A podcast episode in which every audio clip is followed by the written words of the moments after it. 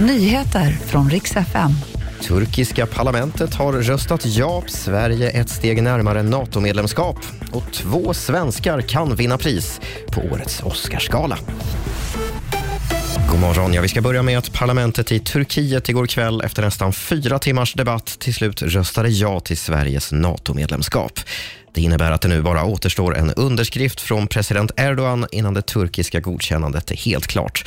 Inom två veckor måste han skriva under enligt turkisk lag. Det här rapporterar SVT.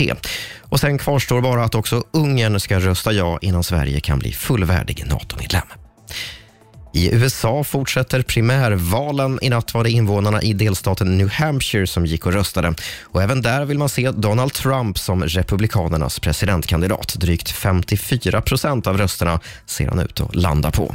Utmanaren Nikki Haley gratulerade Trump till segern i ett tal i natt. Han förtjänade det, sa hon medan han ägnade stora delar av sitt tal åt att håna henne. Nästa primärval hålls om en månad i Nikki Haleys hemdelstat South Carolina.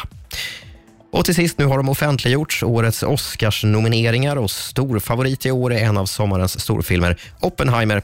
13 nomineringar blev det bland annat i kategorin bästa film och bästa regi.